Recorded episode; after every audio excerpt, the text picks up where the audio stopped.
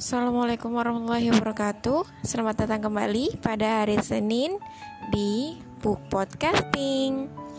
Podcast ini mengandung spoiler isi buku Karena aku akan membahas keseluruhan konten buku Dan memberikan pendapatku sendiri tentang konten buku yang menurutku menarik. Buku yang aku review kali ini adalah karya Muhammad Ali Ba'atiyah berjudul Suluk pedoman memperoleh kebahagiaan dunia akhirat. Buku ini merupakan buku terjemahan dari judul asli Asluk al-Asasiyah Fima yajibu ala abnai al-ummah al-islamiyah Familiarkah teman-teman dengan kata suluk? Jujur, aku sendiri baru tahu kata suluk ini ketika membaca buku ini. Suluk yang dimaksud dalam buku ini ternyata adalah jalan yang ditempuh oleh seorang mukmin yang dilaluinya, baik pada waktu malam, siang, dan pada seluruh waktu dan jam. Sejatinya, suluk seorang mukmin wajib dijaga dan dipelajari semenjak tumbuhnya kuku jemari tangan hingga usia memahami percakapan. Sehingga suluk yang dilaluinya menancap dalam jiwanya lalu dipelihara pada masa-masa selanjutnya. Kalimat ini menurutku sih mengandung makna bahwa sebenarnya suluk ini sebaiknya dikenalkan saat usia belia. Sehingga pada saat usia belia sudah menancap dalam dirinya dan mudah untuk melanjutkan pada masa-masa berikutnya, baik itu remaja, dewasa, hingga lansia.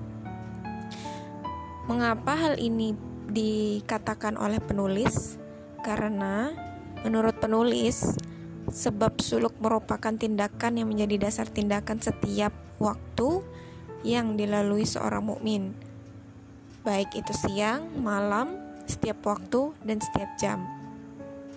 Dalam buku ini, suluk yang dibahas dibagi menjadi empat macam. Pertama, suluk dalam masalah keimanan yang meliputi pembahasan tentang suluk seorang mukmin kepada Allah, kepada Nabi, kepada kitab Allah, kepada sahabat, kepada para sahabat Nabi, kepada para ulama, kepada guru, kepada kerabat, orang tua, saudara dan sanak famili, kemudian juga suluk terhadap sesama muslim hingga suluk terhadap non-muslim. Yang kedua, yaitu suluk dalam anggota tubuh dan hati. Dalam pembahasan ini akan dibahas penyakit-penyakit hati dan juga cara pencegahannya. Yang ketiga, suluk dalam tiang agama yaitu sholat dan yang keempat, suluk dalam keseharian. Dan dalam suluk keseharian ini dibahas tentang doa-doa, niat, kemudian tata cara, tata cara dari dari seorang hamba bangun tidur hingga dia tidur kembali dalam kesehariannya. Penulis menamakan buku ini dengan pedoman dasar tentang perkara wajib yang harus dilakukan oleh setiap generasi Islam. Tidak hanya itu, penulis juga mengatakan bahwa suluk kepada Allah ini bagian dari suluk yang pertama tadi ya tentang keimanan. Suluk kepada Allah berarti melakukan semua ketaatan kepada Allah, disertai perasaan selalu diawasi oleh Allah, menjauhi perbuatan maksiat disertai perasaan takut kepada Allah, selalu berpikir tentang kekuasaan Allah sampai kita tidak melupakan Allah sedikit pun.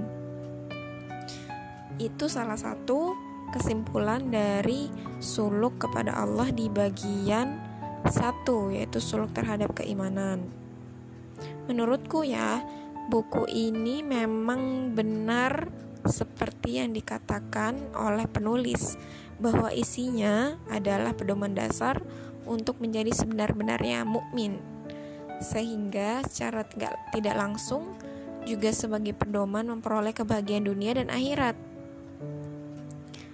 Isi buku ini juga tidak hanya untuk dibaca, tetapi juga sebagai checklist dalam kehidupan untuk kita jalani dalam kehidupan sehari-hari sebagai pedoman dalam hidup kita. Jika ditilik dari isi bukunya dan juga bisa sebagai bentuk evaluasi diri dalam keseharian kita.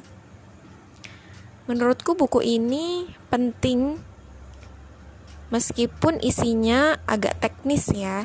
Teknis dalam arti karena pedoman artinya buku ini merupakan memang tata cara hidup seorang hamba sesuai Al-Quran dan Sunnah yang dikemas oleh penulis dalam buku suluk.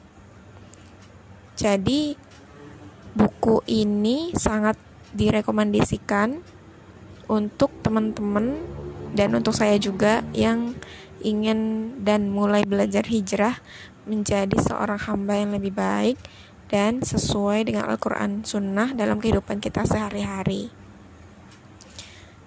Review tentang buku ini sih segitu aja, karena ya memang bukunya agak tebel, sekitar 7 cm tebalnya, dengan halamannya sejumlah 259 dan isinya sudah saya jelaskan tadi sehingga buku ini bermanfaat untuk yang ingin menjadikan hidupnya menjadi lebih teratur dan sesuai dengan Al-Quran dan Sunnah.